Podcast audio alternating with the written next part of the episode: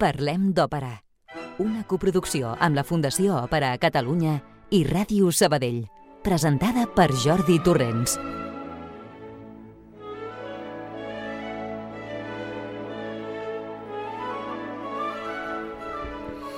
Bona tarda a tothom. Tot esperant que estigueu molt bé, us presentem avui el tercer programa del mes d'octubre, un cop travessat l'equador del mateix, en plenes representacions de Romeo i Julieta Sabadell, que vam estrenar ahir i on encara queden dues funcions més i tot seguit marxarem de gira.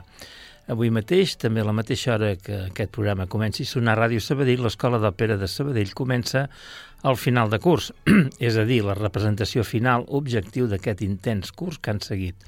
Com veieu, uns dies de molta activitat a casa nostra.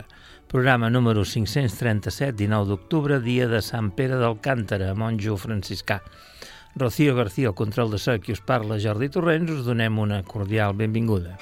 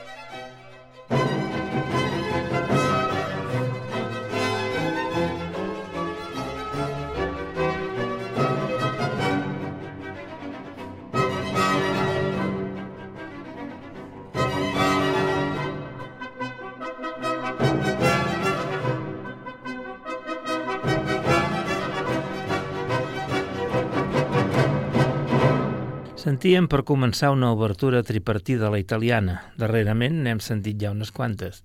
Clarament és música del segle XVIII, oi que sí?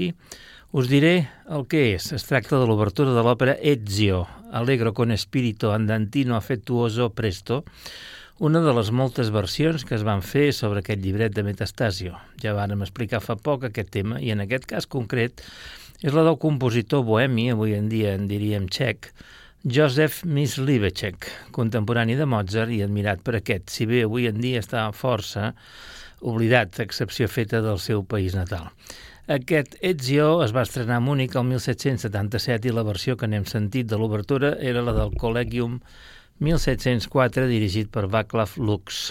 Aquest compositor només havia sortit una vegada al nostre programa i fou en l'emissió número 247 del 30 de juny de 2016. I aleshores, què n'hem de dir avui?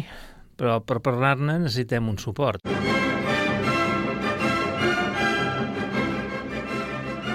Necessitem la presència del senyor Flammeric, que ha vingut aquí tot flamenco, ben estirat, que sembla que acabi de sortir d'un tablau del Sacro Monte. Benvingut, Albert. Moltes gràcies. Senyor Flamaric, segons uh, un rètol d'una conferència de fa no, uns dies. No, Flamaric, no, Flamàric. Flamàric, això, exacte. Et van posar. Avui un CD de líder i cançons en general i la banda sonora d'una pel·lícula. Tot això i més a l'O Flamaric 49.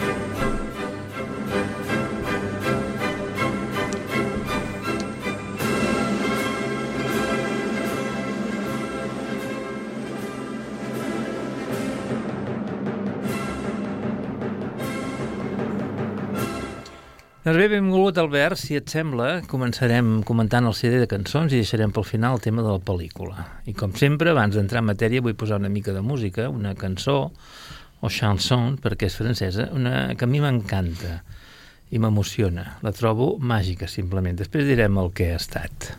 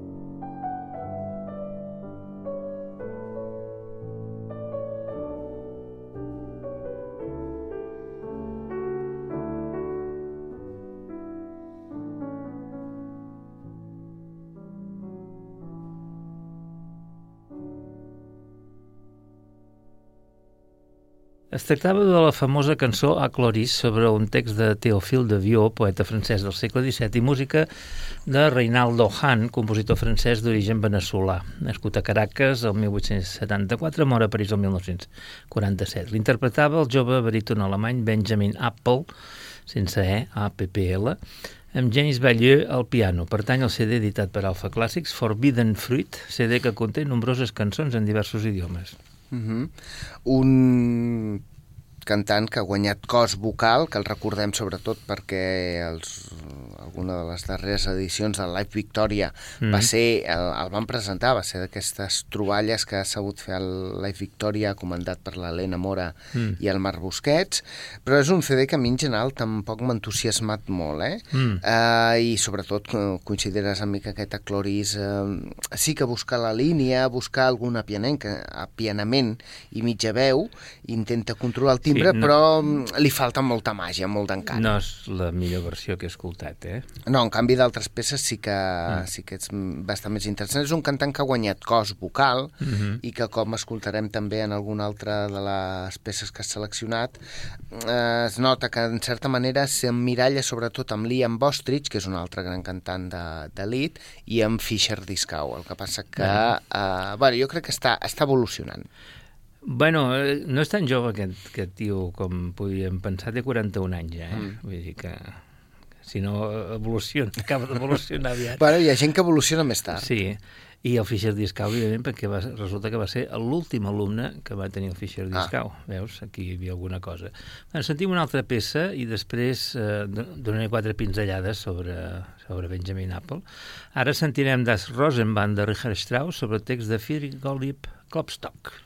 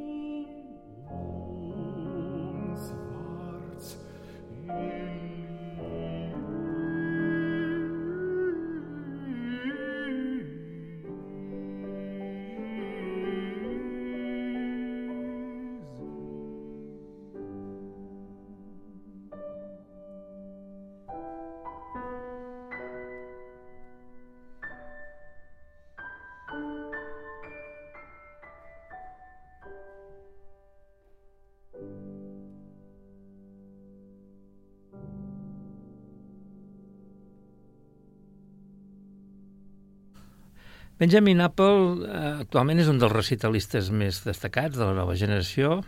Eh, va néixer a la ciutat bavaresa de Ratisbona, on va començar en el prestigiós cor infantil de la catedral, Regensburger Domspatzen, per cert que aquí va haver-hi un escàndol de pederàstia, que el que dirigia aquest cor era el germà del Ratzinger, ah. del Ratzinger papa. I sé que va haver-hi d'allò que amb aquest li va passar d'esquillada, però vés a saber. El va esquitxar poquet. Poquet, no gaire. Uh, el cantant està format en temes financers, de fet va començar treballant en un, en un banc, però em sento identificat.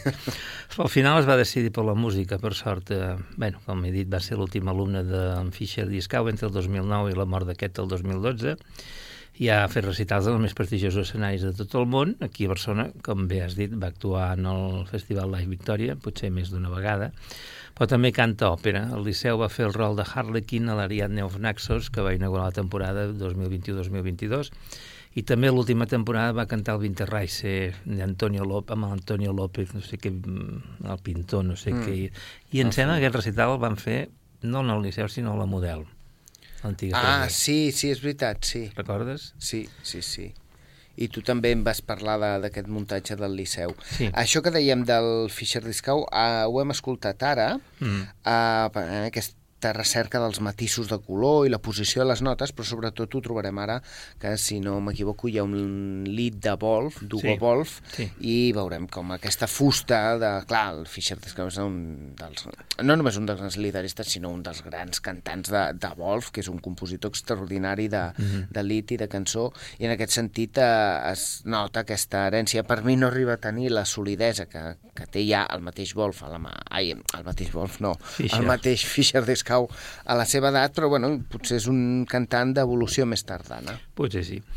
Sentim, doncs, un parell de cançonetes més, que un és aquest líder, aquest, perdó, aquest lead, de líder és el plural. Lead de Hugo Wolf, que és Un Wils du deinem liebsten sterben segen, cada cop faig millor amb Alemanya, com pot ser, sí, sí, que sí. és del l'Italienisches Liederbuch de Hugo Wolf, com dèiem, lletra de Paul Heise, i la següent cançó, completament diferent, els couplets Bakik, de lletra anònima de Francis Poulenc. Und wirst du deinen liebsten sterben sehen, so trage nicht dein Haar gelockt, du Holde,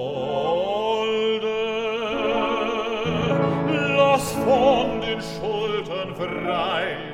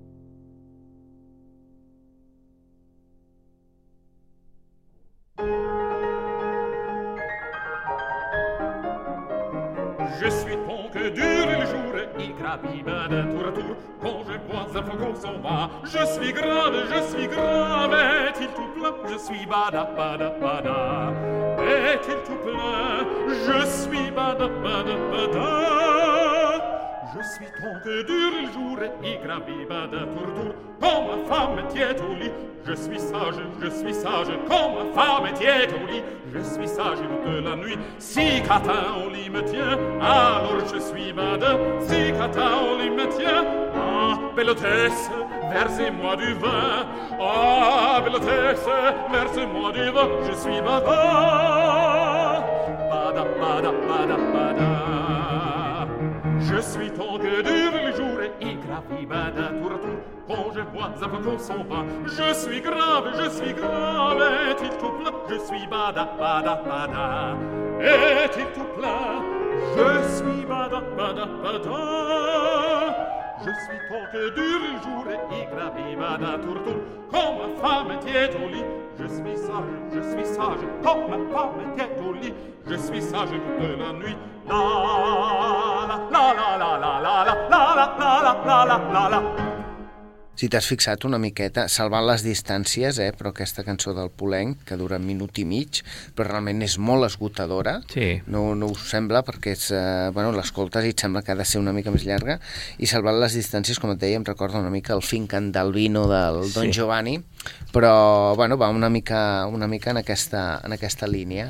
I ara em sembla que dins d'aquesta selecció, molt variada, com has dit eh, abans, mm. Eh, d'idiomes, d'estils musicals, de compositors, sí. sembla que toca una compositora, que és la Fanny Mendelssohn, que m'agrada molt que hagis... Sí. Uh... Fanny Hensel, nascuda, de... nascuda Mendelssohn, sí. Um, cantarà uh, Die Nonne, que és la monja, no? Lletra de Johann Ludwig Uhland. I el següent, uh, la següent cançó que posarem serà de Schubert, típic líder de Schubert, Haydn Wrestling, de, sobre un poema de Goethe.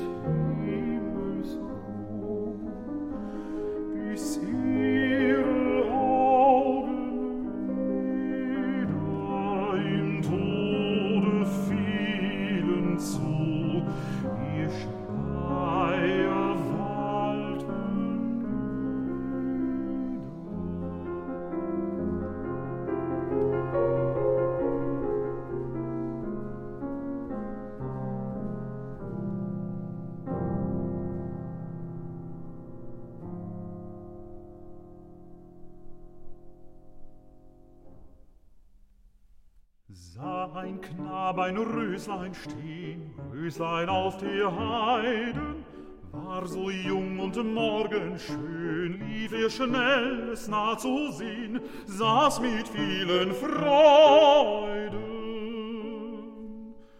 Röslein, Röslein, Röslein, rot, Röslein auf der Heiden, Knabe sprach, ich spreche dich, Röslein auf der Heiden. Röslein sprach, ich steche dich, dass du ewig denkst an mich, und ich will's nicht leiden. Röslein, Röslein, Röslein, rot, Röslein auf der Heide. Und der wilde Knabe brach's Röslein auf der Heiden. Röslein wehrte sich und stach, half ihm doch kein Weh und ach, muss es eben leiden. Röslein, Röslein, Röslein, rot,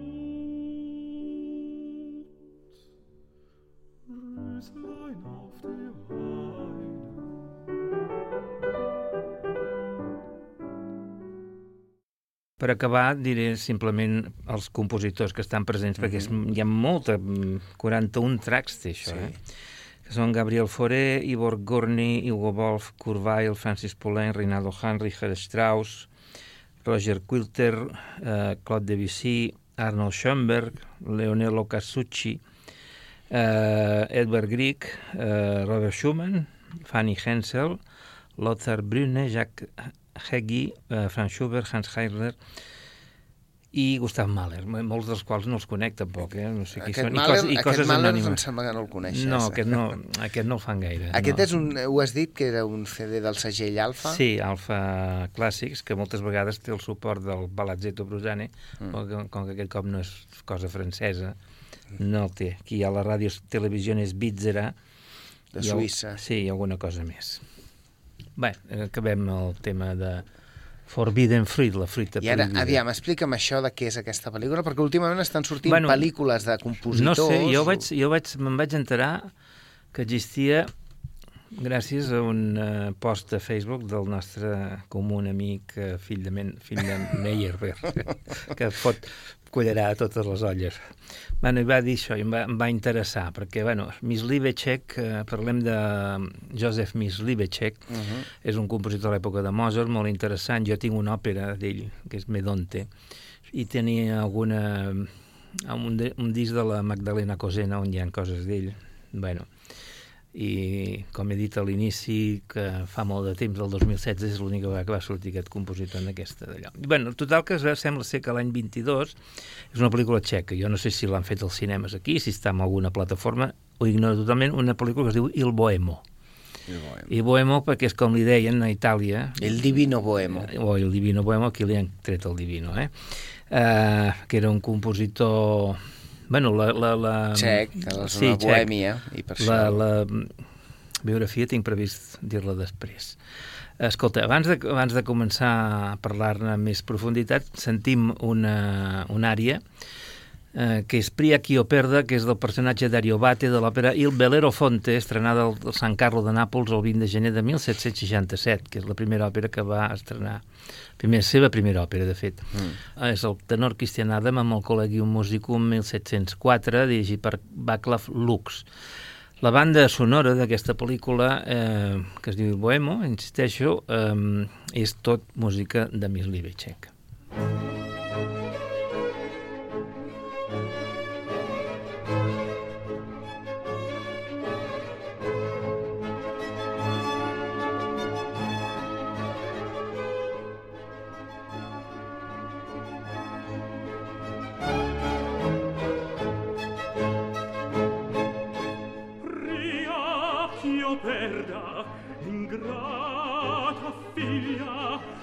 ingrata figlia per tua colpa vita e regno per tua colpa e vita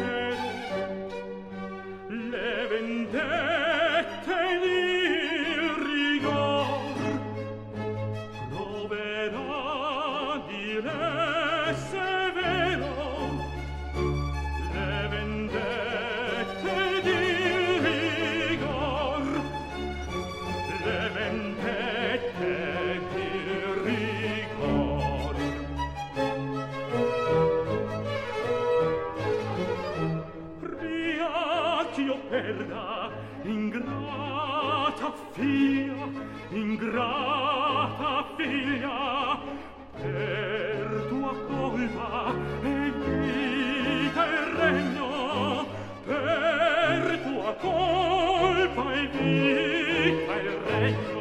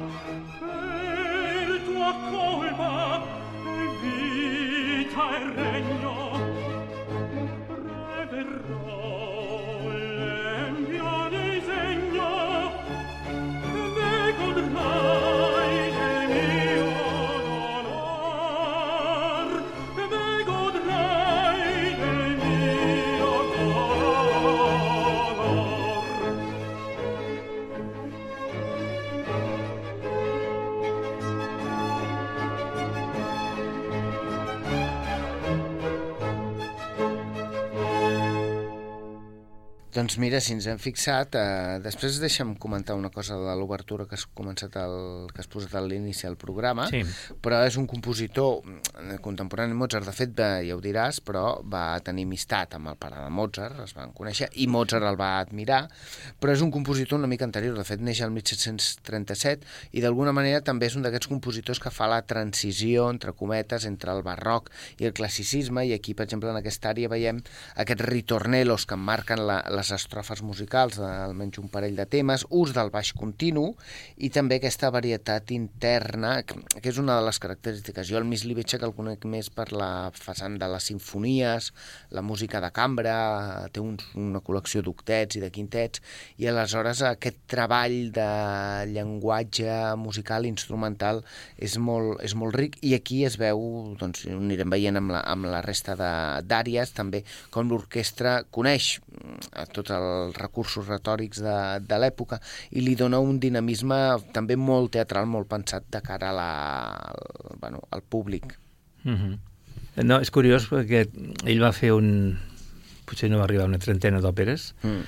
totes eh, òperes sèries, no va fer òperes bufes aquest. Sí, de fet, algunes tenen text de Sí, metastàcio. exacte. Uh, com serà la propera àrea... No, no, la propera no és una àrea, mira, cosa rara. És un quartet, Mhm. cosa que no és freqüent en, els, en les òperes d'aquella època. Uh, L'òpera es diu Romolo ed Ercilia, Cecília, que sona a nom de cosina repel·lent o de tieta àvia inquisitorial. Sí, de tieta d'aquelles que van a missa a comprar el tortell a la sortida Sí. i diu, ai, nen! Que feien aquella pudor com d'all. D'arnes. de boles de les arnes. Exacte. Ja, té, nen, un duro per La passar. tieta Ercília. Ercília. Uh, Rómulo d'Ercília, llibret de Metastasio, estrenada també a Nàpols, aquesta del 1773, i la peça en qüestió que sentirem és De Invita ti Serva, amb Emoque Barat, Ercília, Filip Jaruski i Rómulo, per cert que la versió de la Cloris del Jaruski a mi m'agrada molt. És la, jo la tinc en un disc i, i a mi m'agrada m'agrada molt, mm. probablement més que de l'Apple. Bueno, hem fet un salt, perquè l'oient Sí. ha fet Sí, un parèntesi. Perdó, un parèntesi. Tornem al Segueixo. Rómulo et Ercília. Sí. Deixa'm dir que és un número, com Però has dit, un deixa'm- ensemble. Deixa'm acabar Ah, vale. de, de dir... Ara no fotem un segon parèntesi. El, els altres cantants són Beno Schatzner, Acronte i Juan Sancho Curcio, digues. No, això, fixeu-vos amb el baix continu, que és un ensemble més aviat engitat, eh? eh, però que té una part més de, que canten de, en conjunt i una segona una mica més dialogal i al final, a la, a la part final, a la coda, doncs tornen a cantar eh, conjuntament. Uh -huh. Molt bé. Doncs vinga, sentim el quartet aquest en qüestió.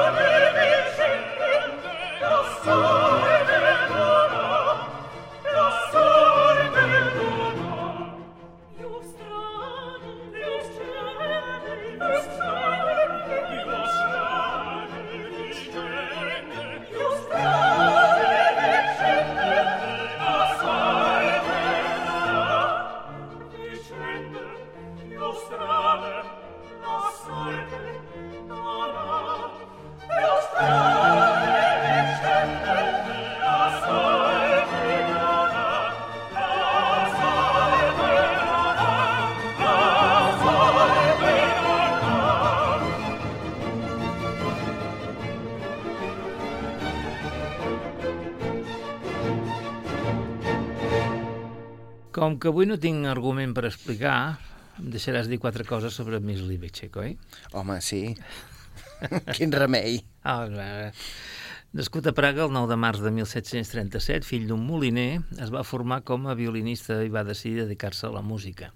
Es va traslladar a Venècia per estudiar i, eh, i va, bueno, va treure la conclusió que s'instal·lava definitivament a Itàlia, on li deien el, el bohemo o il divino bohemo, depèn, suposo, de, la, de si li queia millor o pitjor en el que li deia, en el que li deia que li apliqués l'adjectiu de diví. Uh, la seva primera òpera fou aquest Il Belerofonte, que hem sentit una, una àrea estrenada a Nàpols el 1767. Va produir òperes per tot Itàlia, però sobretot a Nàpols i a Venècia, uh -huh. que eren els centres musicals més importants en aquella època. Però la seva música també fou apreciada, apreciada fora d'Itàlia, sobretot a Múnich. Eh? Per exemple, l'Ezio aquest que hem sentit l'obertura es va estrenar a Múnich. Eh, també sembla, pel que he llegit, que també apreciaven molt a Portugal. Um, i en general fou un, un autor exitós, però sembla que les seves darreres estrenes van recollir fracassos. El 1770 va conèixer Mozart. Mozart uh -huh. tenia 14 anys, aleshores, ell 33, no? I va ser a Bologna, on el txec era membre de l'Acadèmia Filarmònica. Mm, Mozart va parlar bé d'ell, va escriure um, elogis del, del compositor txec, i bé, és tot el que vam tot el contacte que sembla que van tenir has dit que era amic del Leopold bueno, va Mozart, conèixer, no en sé. principi a mi em sona que va conèixer primer el, el pare sí, però, bueno, i per cert eh, és un compositor que lliga amb la- lo flameric de l'altre del mes passat perquè, eh, Del clar, Galuppi. entronca amb la, sí, perquè Clar. entronca amb l'estètica de Hasse, de Jomeli, de, de Galuppi, encara que en aquest cas doncs, sembla que d'òperes bufes no, no en va fer. És un compositor que ja et dic, eh, jo el coneixia més per la, no, no la faceta operística, sinó la Mhm. faceta mm, de música de cambra i, Mhm.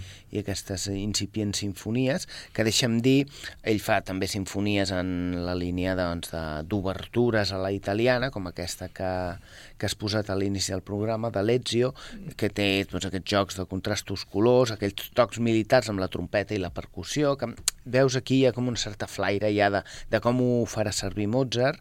El segon moviment que també has posat, doncs, hi ha aquell tipus d'estil serenatístic de diàleg amb les fustes, uh -huh. però encara amb una concepció molt més barroca, eh? És després, una mica més endavant, que eh, aquests moviments lents eh, tenen aquest desenvolupament melòdic més semblant a les àrees operístics i en canvi aquí és, eh, és diferent. I després el tercer moviment d'aquesta obertura en tres parts a la italiana, doncs eh, moviments ràpids ràpid, una mica com a rondó frenètic, Mhm. mm -hmm. amb una estrofa, diguem-ne, musical, un passatge musical Molt que bé. fa com de- d'estribillo, de, Molt bé. de tornada. Afegiré només que Miss Libreche va morir a Roma el 4 de febrer de 1781, només tenia 43 anys i eh, afectat de sífilis. Sí, Sembla que a causa de la malaltia el seu rostre va quedar desfigurat i li van extirpar fins i tot el nas. sí, això ho explica Mozart precisament, uh, no sé si és amb una carta al pare, que el van a veure i es bueno, d'alguna manera es queixa, Sí, sí, per sí. dir-ho finament, de la destrossa que li han fet al Miss Libetxek. de fet, he vist algunes fotos de la pel·lícula i al final surt amb una màscara l'home, perquè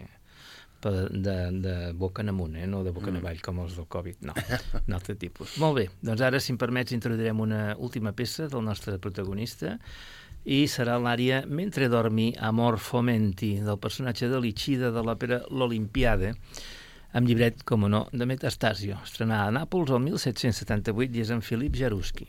Mentre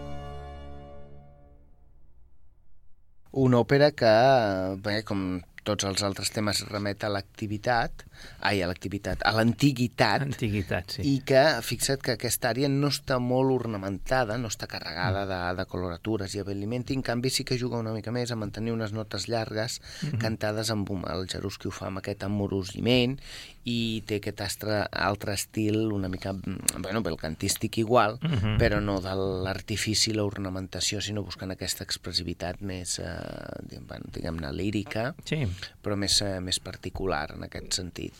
molt bé. Doncs bé, no sé com ho faré, però miraré de buscar la Aquesta manera de veure pel·lícula. aquesta pel·lícula. A més, no tinc, tinc curiositat i ja poder sentir, doncs, bueno, si vull sentir la banda sonora, Ja està. només m'haig que això està molt bé que hagin fet servir tanta música de Sí, d'ell i bueno, no és l'ú- l'única pel·lícula però també n'ha sortit una de la dona de Tchaikovsky Sí. l'any passat, bueno, la temporada passada la primavera hi havia Tar que no sé si la vas anar a veure. Sí, no, no, aquesta és una directora d'orquestra. vas fer, vas fer Tar. Bueno, director d'orquestra però, però interessant pels temes que tocava. Vull dir que et sembla que l'ambient cultural doncs, va tractant aquests temes estaria bé. I això m'ha fet pensar que estaria bé una pel·lícula sobre l'exili d'intel·lectuals eh, espanyols durant la Guerra Civil, que se n'han fet tantes a la Guerra Civil, Doncs que veiessis comença- els Falles, els Salazars... Eh, Comença a escriure algú. Sí. A veure si, a veure si hi ha hagut algun cineasta al convent. Sí, el Bayona, ara el el mateix. Molt bé, doncs, a veure, res més. Només esperar que us hagin agradat les propostes d'avui, ben diferents l'una de l'altra. Gràcies, Flamàric, Flamàric. o Flamaric, o com, com vulguis. No ho sé, sóc l'home dels mil noms. Ja ho veig. A cada ambient, no, no, a cada ambient que he tingut a la meva vida he tingut un nom o altre. Algú deu haver dit Flamarich, no? Eh, bueno, sí, això sí, també. Segons quan trucant. Buenas tardes, le llamo de Boazón, señor Flamarich, o Flamarich. Molt bé, molt bé. Doncs res, um, Ens veiem el mes un cop més um, per ser nosaltres, i ens veiem el mes que ve, evidentment, i amb tots vosaltres quedem per la setmana que ve, d'acord? Aquí estarem amb més temes i més música. Adéu-siau i fins dijous que ve. Contacta amb nosaltres. Òpera arroba radiosabadell.fm